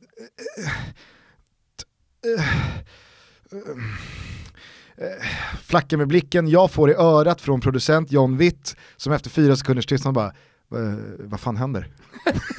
vad fan händer? Och jag vet, liksom så här, jag vet inte vad jag ska kolla, jag tittar på Arning som tittar på mig med panikslagen blick. Det, det, går ytterligare fyra sekunder. Det har varit tyst nu i studion i nio sekunder efter frågan, Patrik vad säger du om Stefan Kieslings säsong? Och sen svarar Bjärred bara, jag vet inte. hela, nej, hela, hela den sändningen var ju så, så magisk på så, på så många sätt. Alltså vi, ja, vi tre känner varandra efter att ha jobbat väldigt mycket med tv. Vi fick ju göra alla vad som ansågs skräpmatcher. Vi gjorde Copa del Rey och vi gjorde sånt där, men gjorde det jävligt bra. Seriöst framförallt, och vi pluggade på innan. Ja, vi kunde otroligt. saker. Och Gjorde fina Bundesliga-studior sen. Alltså när Absolut. Discovery insåg att här, vi, kan inte, vi kan inte fortsätta med Patrik Andersson, tog de in Tompa Veva i studion, då blev det ordning och jävla reda! Och så fanns det ju alltid ett inslag av att, att eh, Leo Jägerskiöld Nilsson skulle få in någon koppling till att eh, Stuttgarts talangfabrik som var såhär, det går inte, det går inte att lyfta den här Theo. Eller Leo. det var helt ah. omöjligt. Nej men och det med Bjerre är det såhär, inför varje sändning så gör man ju ett... Eh... Jävla härskarteknik från Pöler att börja säga Theo, Leo. ja, Theo Jägerskiöld Nilsson. Ja, men jag är fortfarande inte rasist. Nej. Det är väldigt, Vad sa vi? Nej men inför varje sändning ja. så kör man ju liksom ett, ett torrrep för att se att allting funkar och ja men då, man har ett körschema, Gustav, Gusten körde ju liksom mer eller mindre allting själv. Eh, och i det här fallet, varje gång man gjorde så, så fick, när Bjerre fick en fråga så tog det ju, det tog ju sån tid. Alltså vi hann ju, alltså du kör ju, har du 30 minuter studio kör ett rep, det tar 10 minuter, alla bara okej okay, bra, det här kommer. Det här tog ju liksom 45, 50, så det var ju nästan på gång att bli live. Och man var skraj inför ja, man fick sån panik, för att, trots att han visste frågorna så det, det, det kom inget liksom. En, en annan detalj bara, det slår mig nu, jag har inte tänkt på det här på ett par år, men eh, kring Patrik Andersson och tv-studio, så jag kommer ihåg en gång när han var med i Viasats studio, Eh, om det var Premier League eller Champions League, det har jag ingen aning om, jag kommer inte ihåg det. Men han satt i alla fall i studion med, säg, eh, Ola Andersson och så Ola Wenström. Och av någon outgrundlig anledning så hade de placerat Patrik Anderssons kryckor under bordet synligt. Alltså det var, det var helt onödigt att man såg kryckorna. De tillförde liksom ingenting, men de låg där prydligt under bordet, synligt synligt för alla oss tittare. Det slår mig nu, varför sa ingen Patrik vi kan ta, vi kan ta dina kryckor, du behöver inte, för du, han satt ju ner på en stol. en kameraman borde bara, nej, Det var så jävla märkligt. Jag tänkte, slog mig nu alltså. Fan gjorde hans kryckor där. Måste vara otroligt svårt, och, svårt att inte påtala det som programledare där. Ja, nej, ja, mycket märkligt. Eh, tillbaks till Leverkusen, jag är lite ja. nyfiken då kring Kai Havertz. Han hade ju en succésäsong i fjol. Eh, nyfyllda 20 bast, gjorde väl en 17-18 mål i Bundesliga i, i fjol. Var han nära att lämna eller eh, håller de eh, stenhårt i den här juvelen? De hade bestämt sig redan innan att de absolut inte skulle sälja honom i sommar, han var fine med det. Uh, och väntar i nästa sommar. Och nu sägs det att han, likt Timo Werner, är klar för Bayern München. Att de kommer pynta upp de här 100 miljonerna euro som, som krävs. Mycket bättre drag av alltså, Bayern att satsa på Kai Havertz än ja. eh, Timo Werner. Absolut, Kai Men, men förlåt, bara för eh, liksom, protokollets skull här, alltså klar redan nu? Nej, det är ju inte Nej. officiellt, men det sägs klar. att han mer eller mindre har beställt, ja, alltså sen, sen, sen, rätt länge ska det vara bestämt att han, han vill till Bayern, Bayern vill ha honom, kontakten är redan där. Och egentligen ska Bayern bara pynta upp det som, som Leverkusen vill men ha. när ska han gå då? då? Nästa sommar. Mm. Vilket gör att, eh, och det, det är väl superrimligt på alla sätt och vis. Det som det som är så intressant fortfarande är att, och det, för min egen del, jag kan ju tycka att Bayern har tappat någonstans i attraktionskraft, men det är trots allt så väljer de flesta tyska spelarna, så fort Bayern kommer så vill man dit. Vilket de kan locka till sig och, och Havertz är ju... ganska höga löner att kunna erbjuda. Absolut, och, och Havertz är ju en, en dundervärvning, för att där finns ju en potential utan dess like och slår man ut... Vad är det han gör då för alla som har missat honom? Ja men han är ju en, en Thomas Müller fast i ett, i ett format av mer struktur. Alltså en väldigt duktig offensiv mittfältare, kreativ, tekniskt skicklig, bra känsla för näsa för mål och binder ihop mittfält och anfall på ett, på ett väldigt, väldigt schysst sätt. Och jag menar, han är, han är 19, vilket betyder att när Bayern värvar kommer han kan vara 20, eh, eller vilken klubb det nu än blir, men troligtvis Bayern.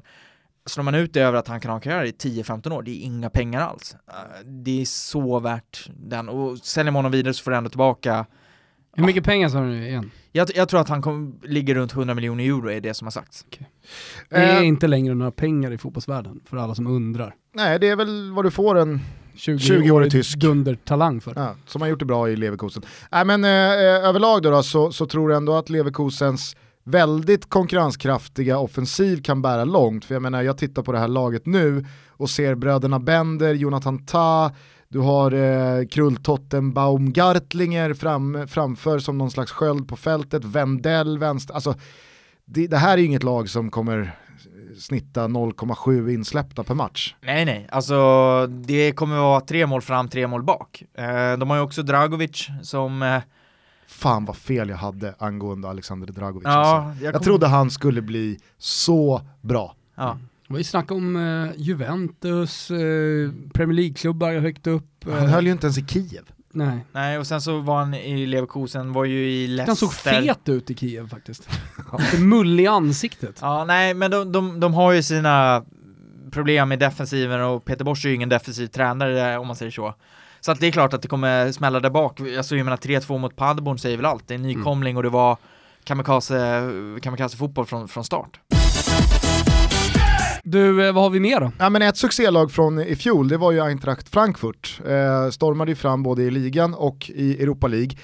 Det är väl ingen eh, superimponerande eh, teori man har snickrat ihop, men med tanke på hur all in de gick i Europa League så tappade de ju oerhört mycket mark i ligan och så blev det liksom ingenting av det.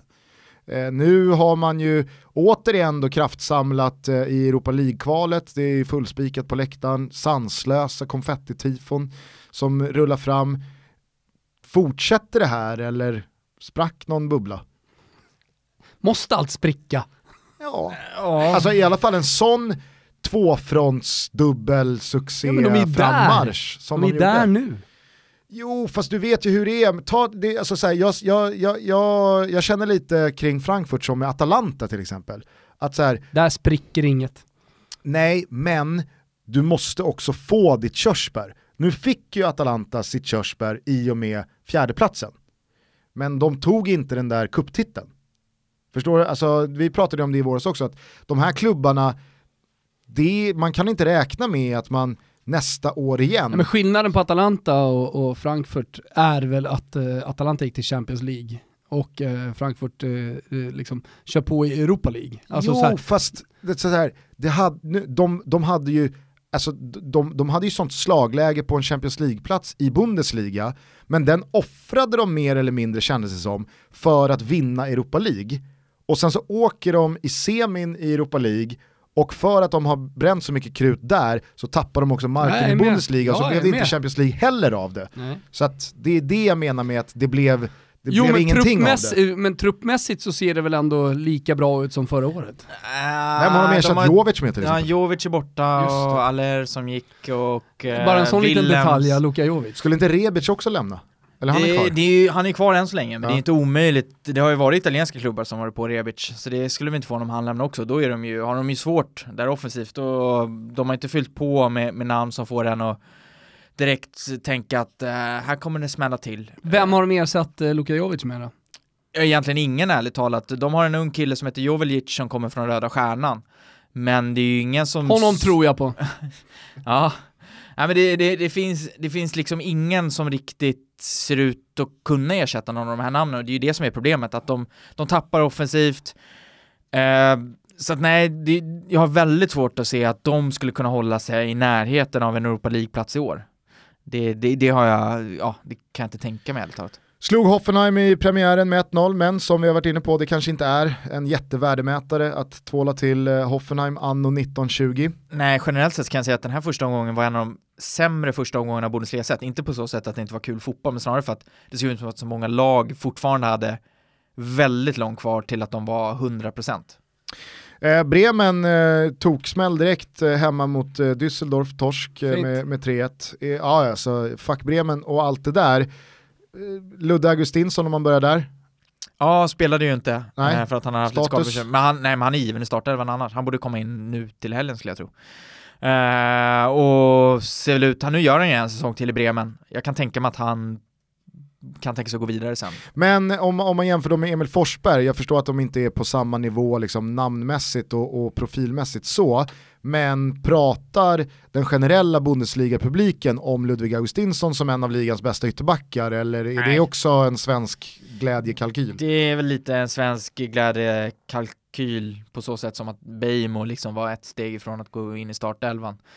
Eh, Augustinsson gör det bra, en habil spelare, men det är klart att han måste lyfta sig lite och göra lite fler poäng för att vara den där absoluta toppen. Och, men Bremen är ju inget lag som som heller bländar på det sättet. Eh, habil spelare, men jag tror att han skulle må bra av att komma till, till en annan omgivning framöver.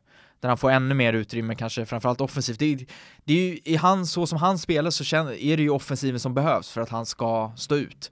Det är ju inte att han täpper till på sin kant som, som folk förväntar sig, utan det, det är ju det motsatta. Du, fan på tal om eh, Werder Bremen och det vi pratade om för eh, någon vecka sedan, eh, 70-talister Mm. som still going strong, Claudio Pizarro. Pizarro, han kör på ja. Det är många som har hört av sig till oss och, och uh, påmint om, oss om att uh, Claudio Pizarro faktiskt fortsätter att bomba in mål. Fin han är. Eh, om man såg till din eh, långtidstrippel borta hos Betsson så hade du ju då Paderborn att eh, åka ut. Eh, andra nykomlingen är Union Berlin. Ger du dem då bättre möjligheter? Det imponerade ju inte jättemycket premiären här mot, mot Leipzig. Alltså, jag vet inte vad Union Berlin höll på med, det känns som att de var helt övertaggade med den här arenan och det, det pratas upp så mycket, det har ju pratats, det har pratats så oändligt mycket. arena? Stadion Ander Alter det.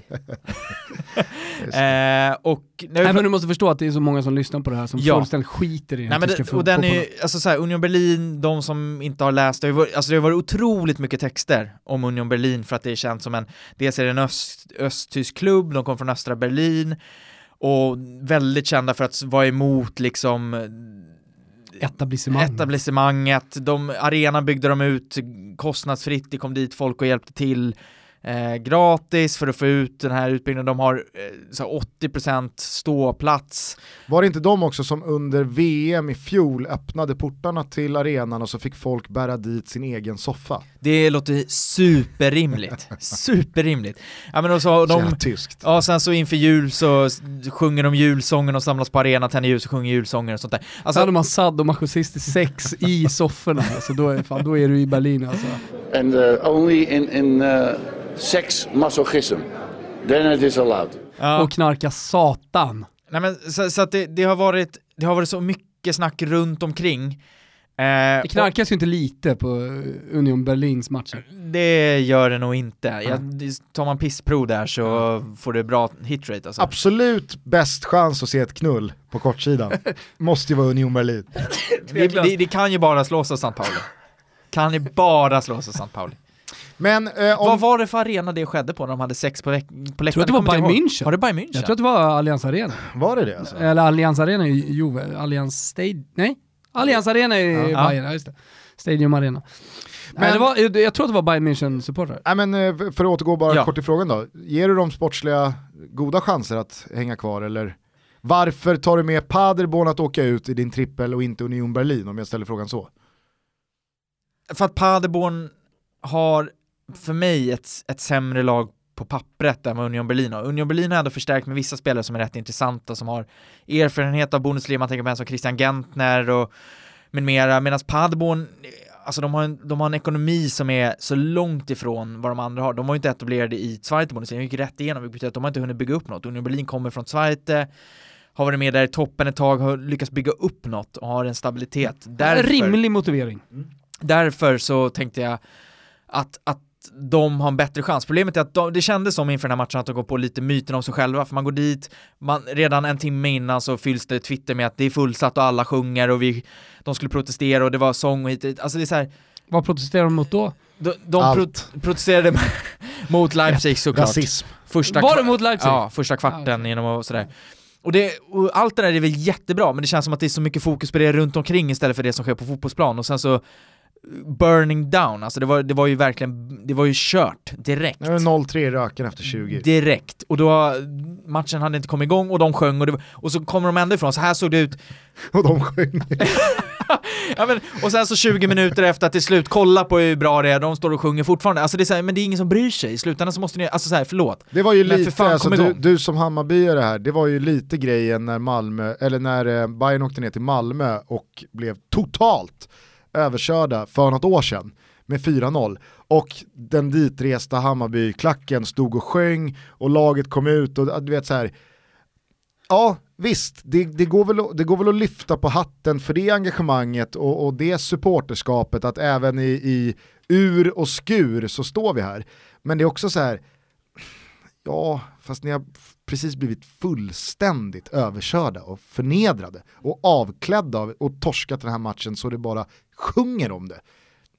Kanske ska liksom så här, det ska också vara en del av summeringen. Du, du hade ju snarare då hoppats att Sparven stod i klacken och, och berättade för alla hur de skulle agera och eh, vad de skulle göra. Nej, nej, det är ju kanske dra det lite I- långt, men du förstår vad jag menar. Ja. Alltså, jag är helt med på det Adam menar, att så här, jag fattar grejen att hej, det är coolt att de står här och sjunger och det är fullsatt och de står kvar efteråt trots torsk och sådär, men det kommer inte funka hur länge som helst. Nej exakt, men det, och det, det nej men man kan inte göra liksom en Sören Kratz-uppvisning trots att man har torskat med 4-0 och gå runt och slänga, köra slängkyssar och hit och dit, det, det är inte okej. Ja, okej.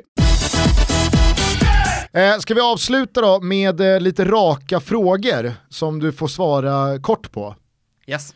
Eh, vem är den eh, spelaren som du eh, följer noggrannast den här säsongen? Alltså vem är, vem är mest intressant? Eh, Kai Havertz, tycker jag. Eh, bästa värvning? Mats Hummels. Eh, vilka av de eh, etablerade Bundesliga-klubbarna tror du kommer joina Paderborn där nere på nedflyttningsplatserna och slåss om nytt kontrakt? Mainz, Lag vi inte har pratat om är då Mainz som du nämner, Köln, Augsburg, eh, Augsburg, Freiburg. Freiburg. Freiburg håller man ju ändå en tumme för. Freiburg håller man alltid på. Orenius, Christian Streich. Orenius eh, gav mig ändå lite tillbaka. Ja, du lyssnade på avsnittet va? Det var väldigt viktigt för mig att lyssna Ja. på det avsnittet. Där, Ja. där tog jag mig tid, körde i slowmo, lyssnade på allt som sades. Düsseldorf, kan de också vara där nere eller är det? Jag vet inte, det känns som att Funkel har ju bra koll på det där. Eh, på något sätt. Och... Eh, Är tränaren eller? Ja. Mm. Tack. Nej, Jag vet om, inte Ja, du, men- om inte du hade frågat så hade jag. Ja okej, ja, men det är ja, jag kanske ska vara tydligare, ja, men det är, Mattias Kornstjärnor som tränare har ju berättat massvis med speciella historier om Friden Funkel. Eh, finns ingen som har så många stories från sin karriär som inte flyger som Concha. Eller? Ja, är det bara, alltså du vet när han börjar, nej men det var en gång i Bochum, redan Ja, där det- är liksom oh. Make it stop. nej, jag, jag, jag älskar, På, ska jag dra en, eh, ska jag dra en Bundesliga-studio-anekdot till då? När vi ändå har öppnat den lådan. Mattias Concha ska göra debut. Eh, Tror att det här är tredje gången. Nej, det vet inte historia. fan alltså, jag tror inte det. Thomas Wilbacher är eh, bortrest eller sjuk eller någonting så att eh, Sjuk Concha, är jag aldrig men... Concha hoppar in och gör debut, det är första gången han står i studion, han är nervös som satan. Det är varmt i den här studion, ja, men det är inte så varmt som det är liksom på Conchas eh, skjorta och kavaj. Han är så svettig, alltså det är, det, det, jag tror inte tittarna såg hur svettig hans skjorta var för att den, han, den var så svettig att hela skjortan blev liksom i en och samma färg, ja, svettfärg. ja. Så då tänkte man inte på jävlar vilka svettfläckar. Men det är, jag har aldrig sett en människa svettas så mycket. Det finns väl något klipp på Mats Wilander eh, som Filip och Fredrik har dragit upp i någon sån här 100 höjdare grej. Det är, det är någonting eh, med, med någon svettning där också. Men Det här är 100 höjdare material. Alltså herregud. Eh, och så avslutar vi eh, sändningen och så tackar vi för idag. Nästa vecka så kommer Concha tillbaka och då berättar han att han har åkt hem till Malmö, lämnat in skjortan och kavajen på kemtvätt. Kommer tillbaka till kemtvätten och då har han eh, bakom disken räckt över skjortan bara och sagt Jag är ledsen Mattias, kavajen gick inte att rädda.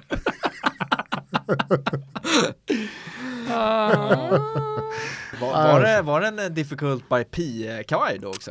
Tveksamt. Jag kommer inte ihåg vad det var för märke, men det var så jävla roligt att han svettade sönder en kavaj. Den gick inte att rädda. Eh, men, eh, för att svara på frågan då, vi, vilka av de etablerade lagen tror du kommer vara där nere och brottas? Mainz. Mainz.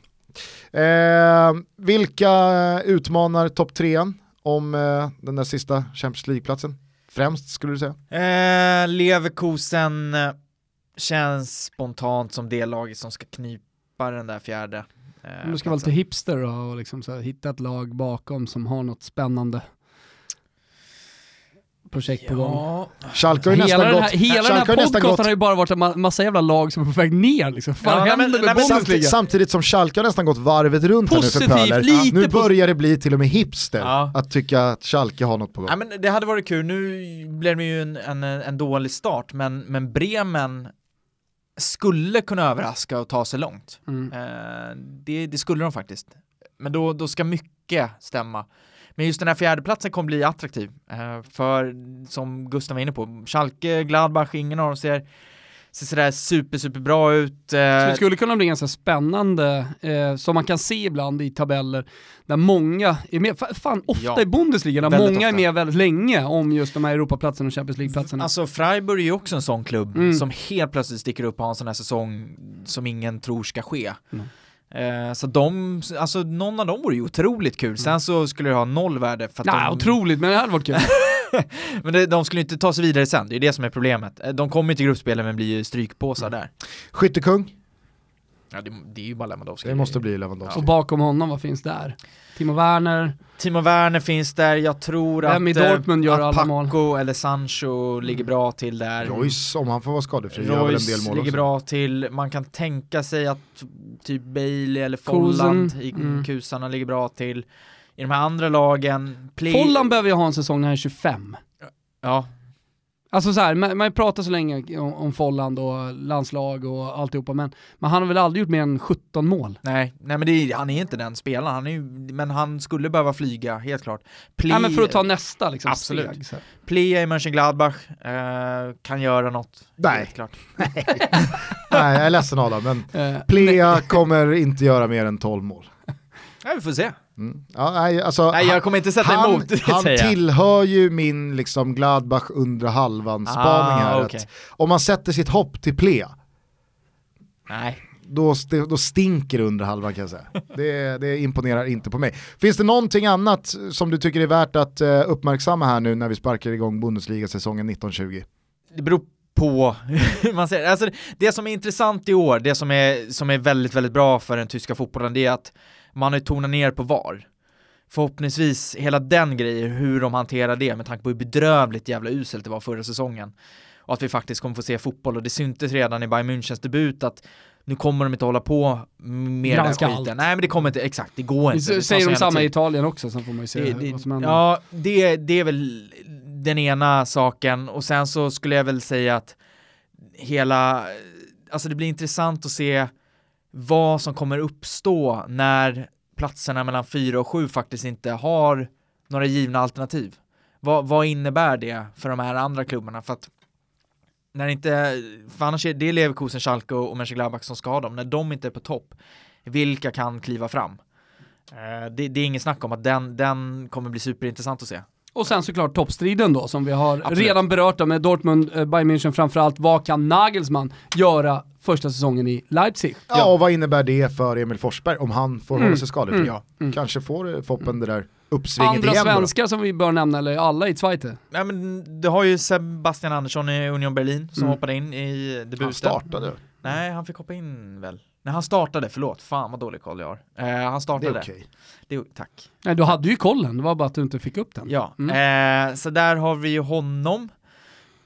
Nu måste jag tänka Oskar Wendt kvar i Gladbach såklart. Lagkapten. Eh, lagkapten, kör på från start. Får se, han verkar inte vara sugen på att återvända till IFK. Än så länge. Så Han borde lämnat Gladbach i somras. I och med vilken säsong som de har att vänta. ja, men så det För- för- finns... om, man, om, man, om man bara kort, kort blickar ner på Zweite, eh, är det någonting roligt där? Vi glömde ta upp den svensk som kanske är egentligen mest intressant och det är Quaison. Ja, ah, herregud. just fan, i Mainz. Och eh, för att Quaison gjorde det väldigt bra tycker jag förra säsongen. Ny roll, lite mer framskjuten. Väldigt viktig och nu tror jag Mainz kommer få det tufft men han bo, alltså han är absolut alldeles för bra för Mainz tror jag. Mm. Eh, Stora stjärna. Ja, och Men har, har det uppmärksammats även i Tyskland att han har fått sitt break i landslaget och att han har gjort lite mer mål och, och, och eller vad, vad skulle du säga att han har för status där nere? jag skulle säga att det som har uppmärksammats är att de har varit imponerade över att han har lyckats bli så allsidig och mångsidig i sitt spel och få det att funka i den roll han har. För att han är ju, i Tyskland så är han varken liksom en 10 eller 9 utan han är någonstans till och med mittemellan. Och att han har den förmågan. Eh, och att han gör framförallt fler mål har, ju- har ju synts, men den här helheten har folk blivit imponerade av, framförallt i ett lag som Mainz som inte är, ärligt talat, särskilt bra.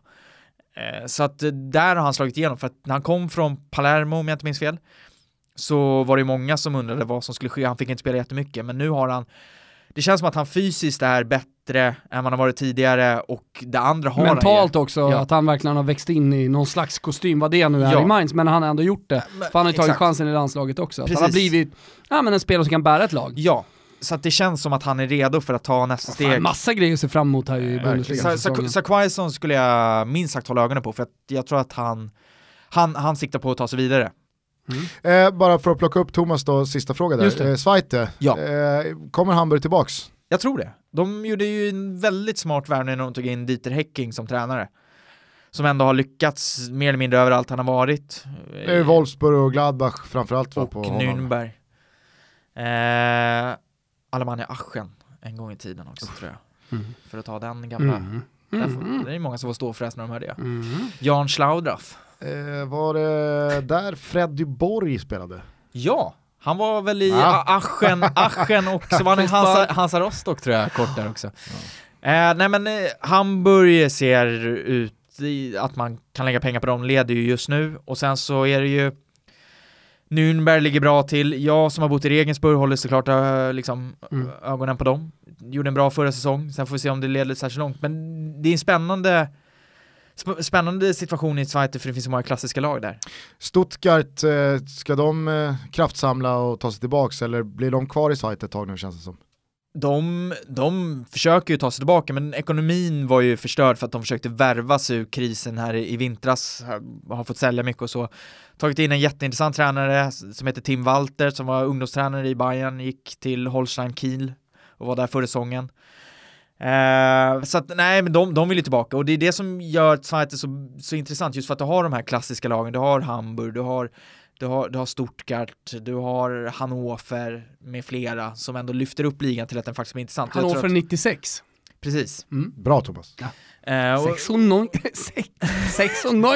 men jag tror att det är, det är väldigt många som vill, ha, som vill ha Hamburg tillbaka och sen så är det klart, du, St. Pauli finns ju där och med flera. Eh, och det är de, där har vi Det låter ju nästan sexigare med Zweite än med Bundesliga. Nästan. Gyökeres som är i St. Pauli nu, hoppade in mot eh, Stuttgart här senast. Eh, och såg spännande ut. Så Viktor, Ja, Ja men han, han värvades för bara ett par Han- veckor sedan. han har in från ändå Brighton. e- eget uttal. Ja, alltså, jag, det, det var nästan så jag inte uppfattade det. vad heter han? Nej men alltså alla kör väl Gyökeres? Jaha, jag kör den tyska. Gyökeres? Vad sa du? Gyökeres? Ja, nej, jag har bara hört eh, Viktor Gyökeres. Jaha, Okej, ja. jag kör den tyska. han är alltså i St. Pauli. Ja, Helt missat. Mm, ja, den Ja. fan såg ju till och med jag vet du. och där, så att det, det, äh, det, fin, det finns mycket att hålla koll på. Eh, Kul! Eh, fan, jag känner mer och mer att man borde åka tillbaks till eh, Folkparkstadion Mm. och stötta Ja, jag Die. Rotenhausen. Kanske gör vi någonting då tillsammans med, hörru ska vi kolla med eh, Top Dog Olof? Se om vi inte kan sy ihop en, en tävling. Back, Back, back to to Hamburg. Hamburg. back to Reeperbahn. Ja, eh, det ska vi göra eh, i samband med eh, lite Nakata-släpp tror Ja, jag. exakt. Hörni, gå in på nakata.se, det finns massa fina grejer där. Jada! Eh, fan vad roligt att du kom hit Adam. Eh, vi eh, kan väl redan nu boka in någon slags eh, halvtidssittning eh, under vinteruppehållet och prata lite tysk höst och så vidare. Absolut. Eh, ni, Och alla ni som, här, nu ska jag säga så här Gusten, alla ni som eh, tycker att Bundesliga är en ganska tråkig liga, trots att ni nu har hört Adam Lillpöller Nilsson eh, prata upp eh, säsongen 1920, ja ni kan gå in på Simor och så kan ni teckna upp ett abonnemang och få La Liga, MLS, Serie A som har premiär till helgen. golfen, eller hur? Du har EM-kvalmatcherna, alla EM-kvalmatcher. Så Ja, det är man inte kan bara Sverige. Liksom, här. Bara en sån sak. Eh, så att man får väldigt mycket för pengarna, alla gamla Strive-abonnenter får ju för 99 spänn, allt det här som jag precis sa. Eh, det, det, det vill jag ändå ha sagt Gusten, trots att vi sitter här och pratar om Bundesliga. Ja, och eh, lagom då till eh, Serie A-premiären i helgen så finns eh, din och min långtidstrippel eh, trippel borta hos Betsson att rygga.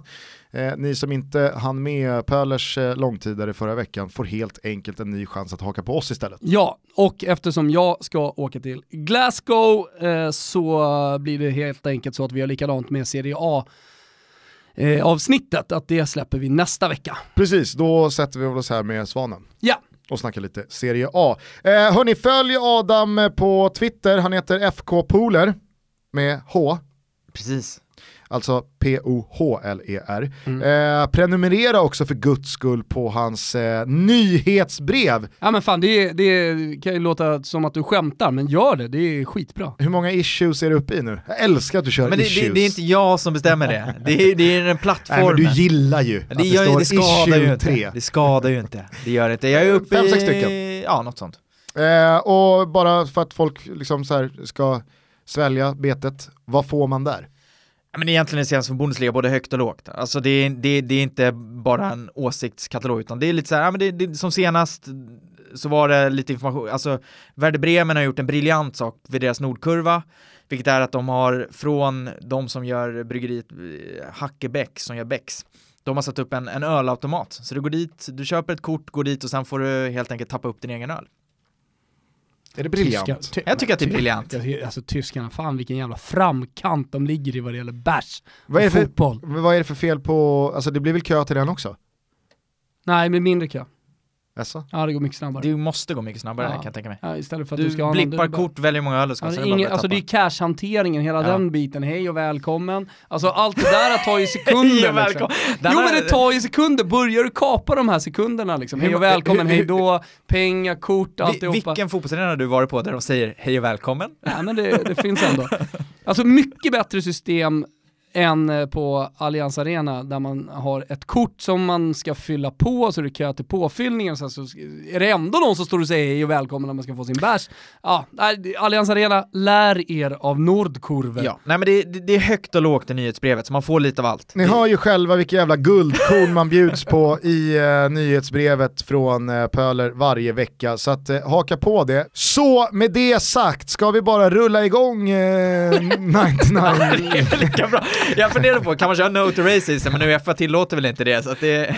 Du har bråkat tillräckligt med de tunga instanserna via sociala medier. Så att, eh, vi, kör, vi kör Nena. Eh, och eh, så, så säger vi på återhörande. Ha en fortsatt trevlig vecka hörni. Vi hörs på måndag. Tompa drar till Glasgow och bjuder väl på någonting trevligt till Toto sociala medier hoppas jag. Ja, det kommer jag garanterat göra. Bra, eh, lycka till i 08. Tack! Tjabba! Ciao tutti.